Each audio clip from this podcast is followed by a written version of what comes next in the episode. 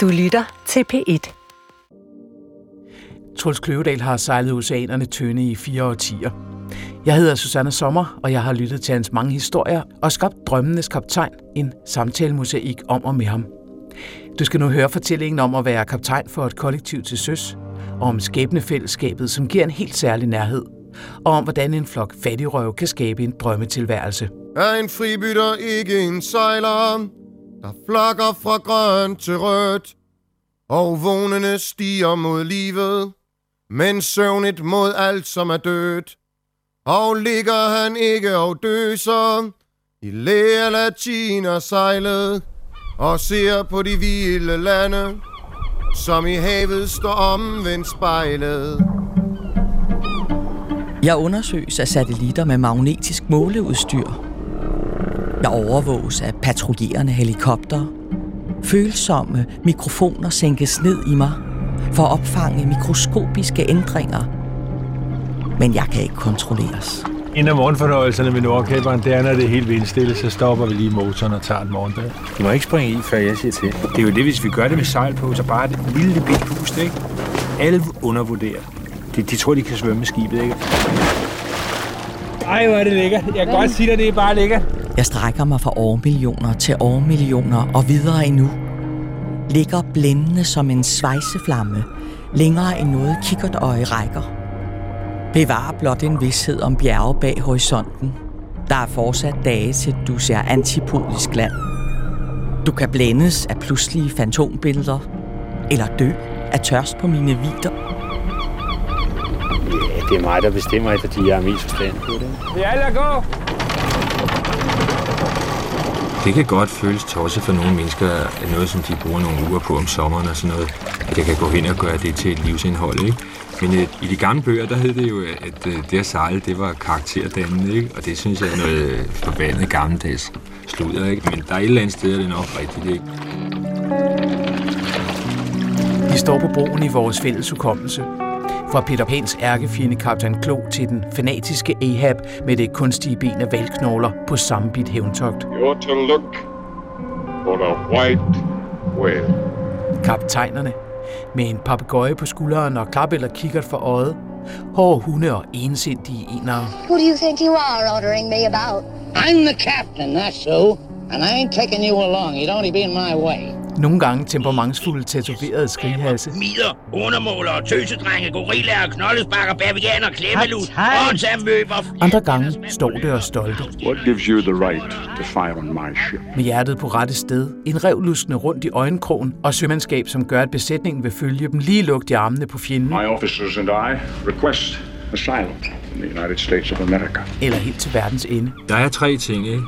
Man skal lave noget ordentligt håndværk, ikke? Man skal have sin krop utrolig meget med, ikke? Altså, når jeg kravler op i toppen af, af topmasten, så hænger jeg i min egen vejersplejsning, ikke? Og øh, hvis den vejersplejsning ikke er lavet ordentligt, ja, så dør jeg, ikke?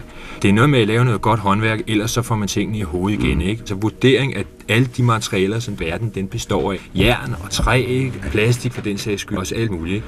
Det andet, ikke? det er den meget store intellektuelle fornøjelse, glæde vil jeg kalde det, ikke? som navigation er. Ikke? Og selvom man har taget tusindvis af skud med sextanten, ikke? så bliver det ved med at være en stor glæde at sige lige præcis, at vi er lige her. Ikke? Og det bliver man aldrig nogensinde træt af.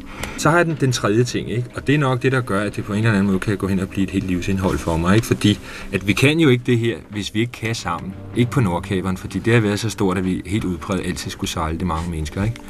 Vi skal kunne sammen, ikke? Vi skal kunne finde ud af at leve sammen, ikke? Fordi øh, hvis vi ikke gør det rigtigt, ja, så er det farligt, ikke? Og vi kan dø af det, ikke? Og vi har vores børn med ude, ikke? De tre ting, ikke? Din krop, ikke? Og det intellektuelle i, i navigation, ikke? Og øh, så det, at du skal være et socialt væsen for at kunne ligge og sejle så mange år med så mange mennesker, ikke? Altså, det går for mig hen og bliver nærmest en, næsten en cyklus, hvor jeg synes, det er så meningsfyldt, ikke? Jeg tror for mig har det, altså min største professionelle oplevelse, den fik jeg i virkeligheden, da jeg var meget ung. Torben Ørting Jørgensen, pensioneret kontreadmiral og skibsmæler. Jeg blev skibschef på kampkutteren af Slærk. Og det her med at tage dit skib og så sejle til Grønland, være fascineret af de fuldstændig grænseløse rammer, der er deroppe. Altså det var sådan, at når vi var ude af synsvide fra admiralen i Grønnedal, så var det en sag mellem mig, skib, besætning og vor herre, hvordan vi bjergede os. Og den der grænseløshed, den der øh, også følelse af ultimativt ansvar, den tror jeg ikke, jeg har fundet øh, senere i mit liv, hvis jeg skal være helt ærlig. Min mor omtalte sin mor i tredje person. Vil mor have mere kaffe, eller synes mor ikke, det er koldt? Min reservebedstefar var også af den gamle skole. Han var tysklærer på Metropolitanskolen og havde en lille leg derfra, som han også legede med mig og min bror. Den gik ud på, at vi skulle trykke hans knoklede hånd, og så klemte han ind til det gjorde ubegribeligt ondt. Og slap først, når man gik ned på knæ og sagde alabala. Ingen anede hvorfor, og jeg var af samme grund ret bange for at skulle begynde i første klasse, for hvad kunne lærerne der måtte finde på? De gamle moralkodex, de er out, mand. Ikke? Ud med dem, mand. Ikke? Kvinderne begyndte at frigøre sig, mand. Ikke? Alt det, som, som havde været, mand, det skulle altså bare ikke være mere. Vel? Vi står nu med den ting i hånden, ikke? at vi skal skabe en ny moral. Ikke? Da jeg selv kom i skole, var det slut med både autoritetsfigurer og hårdhændede lærerhåndtryk, og der var vist også kun en enkelt lærer, der stadig insisterede på at blive kaldt fru. Og da jeg kom i gymnasiet, boede halvdelen af lærerne i kollektiv og gik i butiktrøjer, og de puffede hele tiden til os, for at vi skulle gøre oprør. Det føles altså ret underligt, når autoriteterne selv tigger om at blive væltet, og jeg er heller ikke helt sikker på, at de fik, hvad de drømte om. Punk hentyder i slang til ting uden værdi, og punkere er unge, der blev teenagers i 70'erne og som nu nægter at springe ind i rollerne som stakkels arbejdsløse, taknemmelige lønmodtagere eller havne i de højere læreanstalters stivnende strukturer. Tøjet det bliver tit sat sammen med sikkerhedsnåle, og sådan, det er også symbolsk ment for at vise, at man prøver at holde sammen på de rester, der findes i ens selv og i samfundet. Hvis man nu bare klæder sig helt normalt, så ville, det ligesom, så ville man ikke bryde ud af noget system mere, så ville det ikke være nogen form for oprør. Man må prøve at skabe noget nyt, som man kan få folk med på. Jeg var ikke den eneste, som gav systemet og enhver autoritet folkefingeren som teenager.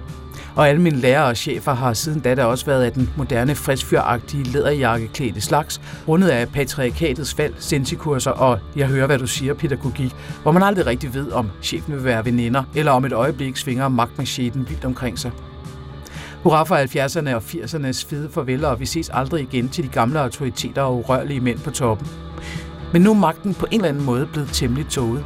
For hierarkiet findes jo, selvom det bliver pakket ind i tvangshygge om fredagen, og kagetunge kick-off-møder med farvestrålende flyers, hvor ledelsen tænder det lange lys og kommer med kammeratlige statements om, at vi skal være omstillingsparate og proaktive og sammen committe os på fremadrettet at performe agilt og være med til at innovere og gribe de lavt hængende frugter. Af samme grund lyder demokratisk kaptajn også som et ret umuligt modsætningspar. Der ligger der under for en gammeldags forestilling om, at den store kaptajn han kommer og siger det rigtige på det, på det rigtige tidspunkt. Ikke? Fordi øh, det er egentlig tit ved sådan i de mest kritiske situationer, der har vi øh, der har demokratiet egentlig fungeret bedst. Ikke? Og det er dem, der har vagten, som, øh, har ansvaret, fordi jeg ligger og sover nede i sin forkehytte og være kaptajn, mens du ligger og sover. Det er noget pjat, ikke? Det er jo klart, på så mange år, ikke? der er skidt selvfølgelig ved at sejle på mange måder. Der er halve år, hvor jeg har været meget kaptajn, ikke? og der er været halve år, hvor jeg slet ikke har været det. Ikke? Fordi jeg kan da huske, da vi tog til Fiji, ikke?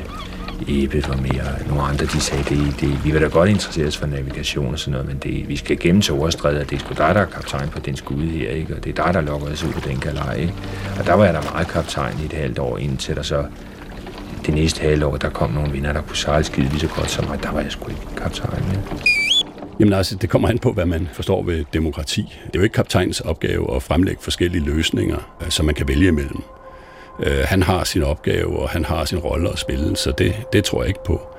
Men det vil være en ualmindelig dum kaptajn eller skibschef, der ikke lytter til de råd og opsøger de råd, han kan få fra sin besætning. At altså frem for at, at bruge ordet demokrati, altså så kan man beskrive øh, en skibschef som eksponent for en oplyst enevælde, hvor øh, han kan vælge mellem at lade være med at være oplyst, eller at trække på, på den kompetence, som hans besætning har, så bliver hans chefvirke kort og, og ikke særlig succesfuldt. Eller også kan han gøre det, som enhver god chef skulle gøre, lytte til sine medarbejdere, og så selvfølgelig sørge for at træffe de rigtige beslutninger på baggrund af de råd, han får. Og det er nøglen til det her. Erik Edersøg. Han skriver der meget skægt sted i sin sidste bog, det, er, det grinede jeg der af, ikke? at øh, vi har sandelig demokrati her ombord, siger han. Vi sidder sådan og, og diskuterer, hvad vi skal gøre alle sammen, og så bagefter, så går vi op og gør, hvad Erik siger, vi skal gøre, ikke? Og så tror jeg sgu da også et langt stykke hen, det samtidig er på Nordkaberne. Ikke? Det er da også meget sådan, ikke? fordi at det, jeg kender skibet så godt, ikke? at jeg ved, når man skal lave en vejersplejsning. Ikke? Mit problem på skibet, det er, at jeg skal holde nallerne for mig selv. Ikke? Altså, det er, det er altid lettest, hvis jeg gør det. Ikke? Jeg kan fare som flue i en flaske på det der skib, ikke? fordi det er altid lettere. Jeg kan lige smutte hen og gøre det, fordi jeg har forstand på det og gjort det så mange gange før. Ikke? Jeg har en anden målstok om, øh, hvordan jeg kan se øh, i hvor høj grad vi er dygtige til at sejle skibet. Ikke? Nu har jeg jo sejlet med fantastisk mange mennesker, 500-600 gennem alle de her år. Ikke? Og jeg kan simpelthen se, at hvis der er ryddet op nedenunder, det er lige det overskud, der skal til, for at så fungerer skibet. Altså når olietøj og regntøj og gamle syltetøjsmæder og væltede sukkerskåle ikke, og alt sådan noget, det begynder at ligge og flyde, og der bliver ikke ryddet op, ikke? Ja, så er der altså ikke noget overskud. Fugle, der dør midt i deres sang, griber jeg. Ligesom brændende rumaffald, meteorer og tabte kometer. Jeg skimter før nogen anden faldende stjerne i sfærisk bane gennem rummet. Vinden indgraverer tegn og mønstre på min hud. Præger den som mønter af bestandigt vekslende værdi. Regn og sne og smeltevand tilflyder mig. Floder og vandløb tømmer sig ud i mig. Jeg afgiver dampe til gengæld.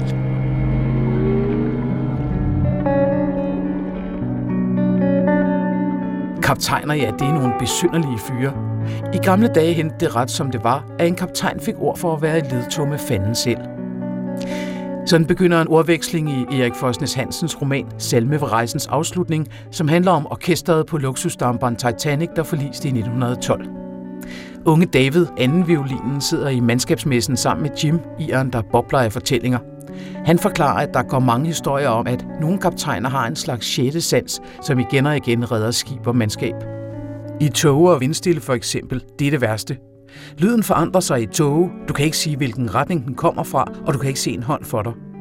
Alligevel er det sket, at en kaptajn med pludselig sikkerhed har vidst, at skibet lå på kollisionskurs, eller at der var et rev forud og har lagt kursen om i sidste øjeblik. Den slags er hent. Unge David er åbenbart ikke nogen overtroisk type og spørger ironisk, om Jim virkelig tror, at det er fanden selv, der visker i kaptajnens øre. Nej, sagde han, det tror jeg ikke. Jeg tror, det er fordi kaptajnerne ofte bliver fuldstændig et med deres skibe. De bliver på en måde af samme størrelse, med sansapparater og det hele, rager lige så højt op som stormasten og når lige så dybt som drivankeret. Det betyder altså, at man skal nyde besætningstillid. Man kan altid formelt prøve at, øh, at trumfe sin position igennem. Det kan man jo i mange henseender i forskellige øh, toppositioner. Men det virker altså ikke, hvis man ikke har etableret den tillidskontrakt med besætningen, som gør, at de har fuld tillid til, at det, man foretager sig, er rigtigt, også selvom de ikke forstår alle aspekter af den beslutning, man har truffet. Der er ikke noget sted i verden, hvor ånd og håndens arbejde går så godt i spil sammen. Det er rent faktisk farligt at begive sig ud på et skib, hvis det ikke er skruet ordentligt sammen. På samme måde som søkortet, er søkortet er jo et meget smukt udtryk for kultur. Fordi den ene generation efter den anden ligesom får, giver den næste generation en foræring. Jeg er heldigvis fra tiden før, at vi blev fuldstændig automatiseret og lagde vores sjæl og skæbne i hænderne på GPS. Øh, jeg er så gammel, at jeg er privilegeret ved at have lært øh, sextanten at kende, og jeg kan bruge en, en sextant. Det er altid fascineret mig, hvor godt man egentlig kan navigere, hvis man bruger simple midler. Bare det at, at holde et godt overblik over kurs og, og fart, det som hedder at holde et godt bestik, kan egentlig få dig derhen, hvor du skal, ret overbevisende. Da jeg var barn, summede jeg engang rundt om min far, som var i gang med et eller andet gør-det-selv-projekt. Sikkert noget i spåndplade inspireret af Vimmehus og Have. Han beklagede sig over, at han ikke kunne finde sin hammer, og hans gamle kloge barn påpegede, at der lå to andre hammer i værktøjskassen. Ja, sagde han, men den jeg leder efter er min yndlingshammer, for den ligger så godt i hånden. Jeg fattede ikke, hvad han snakkede om. En hammer er vel en hammer. Lige indtil jeg selv fik et arbejde, som krævede grej, og jeg opdagede værktøjsglæden og lykken ved at kutte håndværk. Det perfekte klik, når kablet glider ind i mikrofonstikket. Den skræmmede og ridsede båndoptager, der er blevet en forlængelse af kroppen, som jeg kender ud og ind og kan betjene i mørke. Der er noget fantastisk ved at vokse sammen med sit værktøj. At beherske det og vide præcis, hvad der sker, når man skruer på en knap eller vælger en indstilling. At alting ikke kun sker i hovedet eller kommer plaprende ud af munden, men også ligger i hændernes vante bevægelser. En dag opdagede jeg, når jeg skal argumentere for, hvorfor jeg har valgt lige netop den båndoptager, så siger jeg, fordi den ligger så godt i hånden. Jeg er den sidste. Jeg er den sidste generation, der sejler jorden rundt bare med en sextant og en lok og en autisk overbøger og kompas og et blylod til at tage dybden med. Og det gør jeg stadigvæk. Jeg har selvfølgelig fået noget moderne teknik ombord, men du kan også være stensikker på, at det går i stykker. Tre måneder, så er det mest af det der elektronik. Det er færdigt på troen, du. Den intellektuelle fornøjelse, der ligger i at kunne bære en stjerne ned til horisonten og måle dens højde. Altså man gør jo det, at man om eftermiddagen, hvis man vil tage stjernerne om aftenen, så udregner man, hvilke syv stjerner man vil bruge, der ligger i nogle gode vinkler i forhold til sin hinanden. Og så beregner man også den højde, den har, så man ikke skal bruge tid på det. Altså, hvor højt den stjerne, det kan være Aldebaran i Tyrens røde øje, ikke? eller Suhai, eller Hamal, eller Formalhut, eller hvor man nu befinder sig på kloden. Ikke? Så sidder der en med et kronometer, ikke? og så har man også pejlet over kompasset. Man ved altså, hvilken grad den ligger i over kompasset, og hvilken cirka højde den vil have. Og så lige der, når det tusmørke kommer, hvor du stadigvæk har en horisont, og kan se stjernen. Og der er det jo derfor, man bruger de stærkeste stjerner, for det er jo dem, der dukker frem på himlen først. Så siger man, det er den. Og så måler du den højde, så siger du nu, og så sidder der en med kronometeret. Så lige når du siger nu, ikke? og så måler du den højde af. Det gør du på syv stjerner. Og så går du ned og regner en halvanden times tid. Ikke? Der er måske en stjerne eller to, der pifter ved siden af, men så er fem stjerner af det samme på. Det er også okay.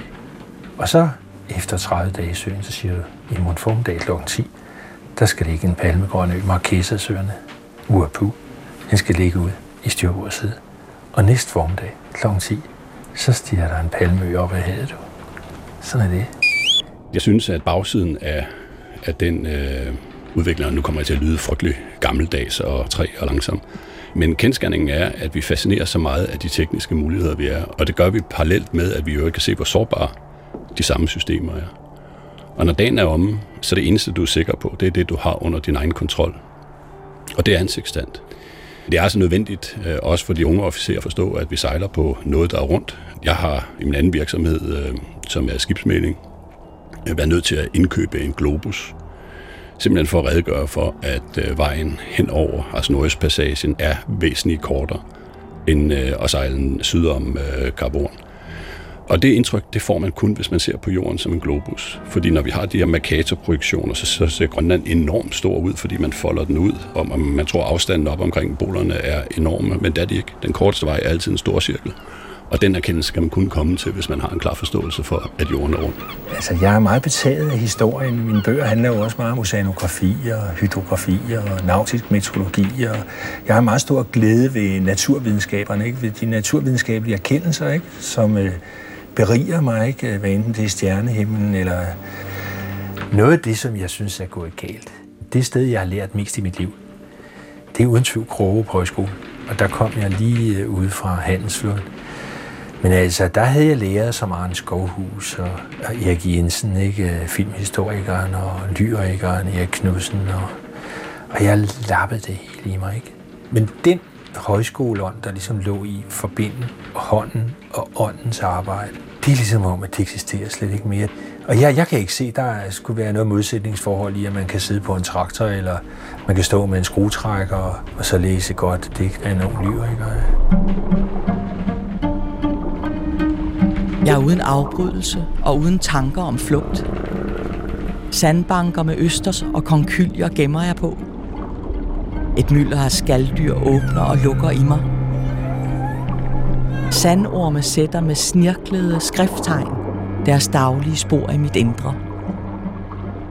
Jeg er fyldt af tumultarisk liv, fra myriader af mikroskopisk små organismer, alger og plankton, til væsner på størrelse med de længste både, der passerer mig.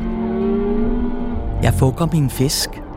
Jeg buner af føde til dyr og mennesker, og kan fylde din net mens du står drømmende på dækket. Jeg inspicerer min undergrund, mine skjulte lommer af gas, olie og mineraler. Min rigdom er uden grænser. Så kan det være, at man pludselig ikke står op klokken 5 om morgenen, ikke? og så kan man se, at der står en god kammerat nede ved roret, ikke? og du ved, hun står bare der, eller han står der, ikke? og de står bare og Ah, det er så smukt, ikke? at de ikke opdaget, at man stikker hovedet op i forlugen i ikke? så, så kommer der lige sådan en albatros eller en stor zulu eller sådan noget, ikke? Den ligger sådan lige nedover. Sådan en morgen ude på Stillehavet, ikke? Hvor der står Hans, han står der med en hjemmerulle små i munden, ikke? Der, du ved ikke, det er hele verden. Den er helt frisk og begynder, ikke?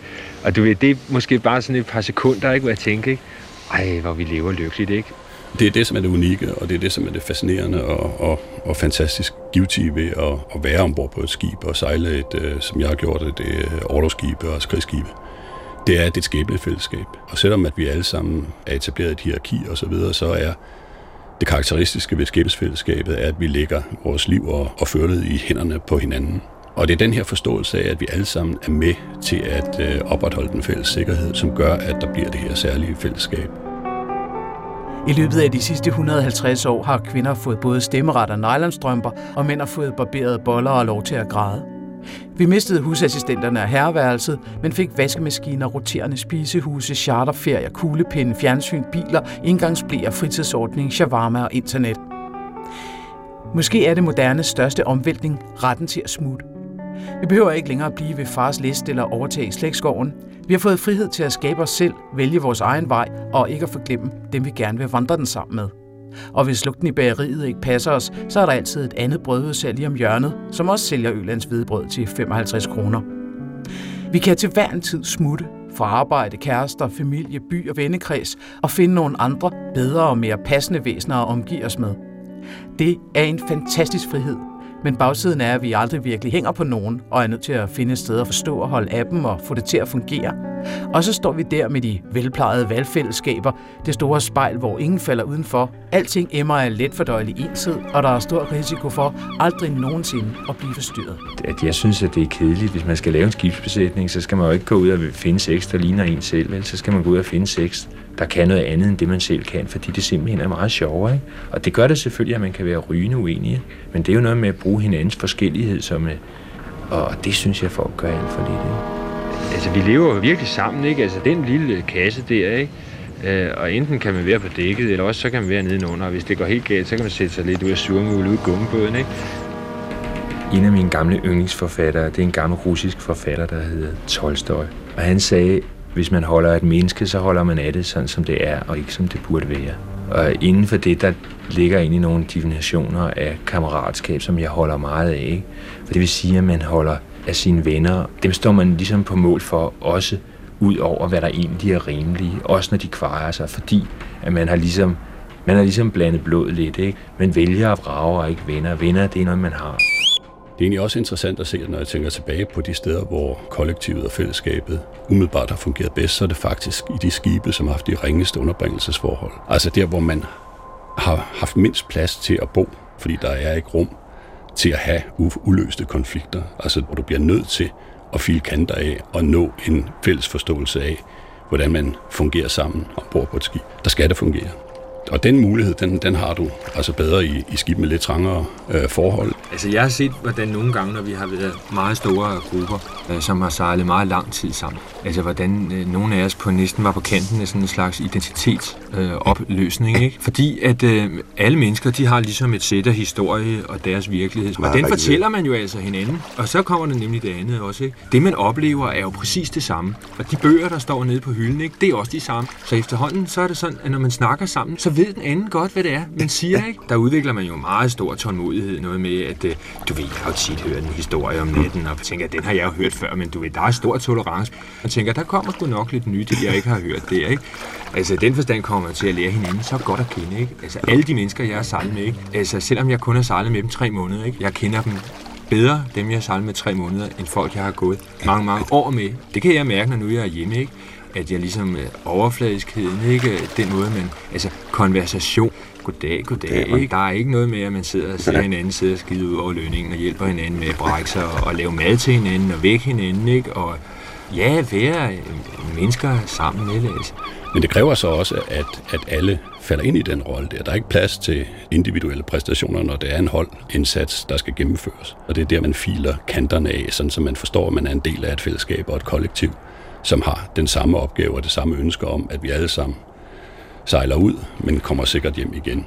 Og det er det her skæbnefællesskab, som i virkeligheden også styrer den disciplin, der hersker ombord. Man skal gøre noget sammen. Der mener jeg jo ikke specielt, at det er skibe. Der findes tusindvis af måder, man kan være sammen på. Ikke? Men man skal gøre det sammen. Det er jo også historien om, at mange bække små, de gør en stor å, ikke? fordi øh, vi er jo ikke millionærer på nogen som helst måde. Vi er jo en ganske almindelig flok fattigrøve, der bare har fundet ud af det her, og så har vi slået os sammen om at gøre det.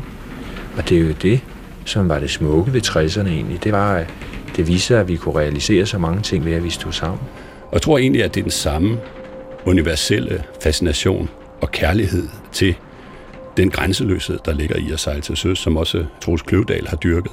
Det her med, at når man slipper kaj, altså når man ligger syd ind, ind, ind ved kajen, så er der alle mulige udfordringer, og der er tekniske ting, der mangler, og der er det ene og det andet. Bottom line er, at når man slipper trossen og stikker til søs, så finder skibet sin rytme. Så kan du mærke, at det er dumme. Du mærker, at besætningen kører, at du mærker, at rutinerne kører. Og det er det tætteste, jeg kommer, eller er kommet på lykke i mit professionelle virke. Det er, når vi når det punkt der, hvor vi kan lægge alle fortrædelighederne, og så simpelthen komme ud og løse sine opgaver. Og det er et enormt privilegie at være øh, sammen med en, en professionel og dygtig besætning, og så kunne det. Uha, det der, det øh, vindstille i Atlanta havde under den helt store stjernehimmel, det er ligesom, den har den der dybde i, ligesom bordeauxfarvet fløjl, ikke? Den der fortællighed, ikke? Og, ej, om lidt, der har vi den rosende fingre og Aurora, det kan jeg love dig. Det der, det er bare smukt, ikke? Jeg fører skibe ud af havne, sender dem afsted i alle retninger, og lader dem oftest løbe sikkert ind igen. Fiskerbåde, fragtskibe, panserkrydsere, til med kolosser af neddykkede ubåde, spurter i mit mørke, hvorfra de lydløst dukker op, for hurtigt at forsvinde igen, eftersøgt af fjendtlige sonarer. Mindre både med vinden smældende mod sejlet, og de største skibe skærer gennem mig, mens jeg gnistrer under dem. Tre glasfiber og metal snitter sig vej, men mine dybe rifter lukker sig straks, kølvandet stilner, og jeg får ingen ar. Tina Kylling Mortensen læste uddrag af Pia Tafstrup's digt Havet Jeg. Næste afsnit af Drømmenes Kaptajn hedder Det fremmede med nye øjne.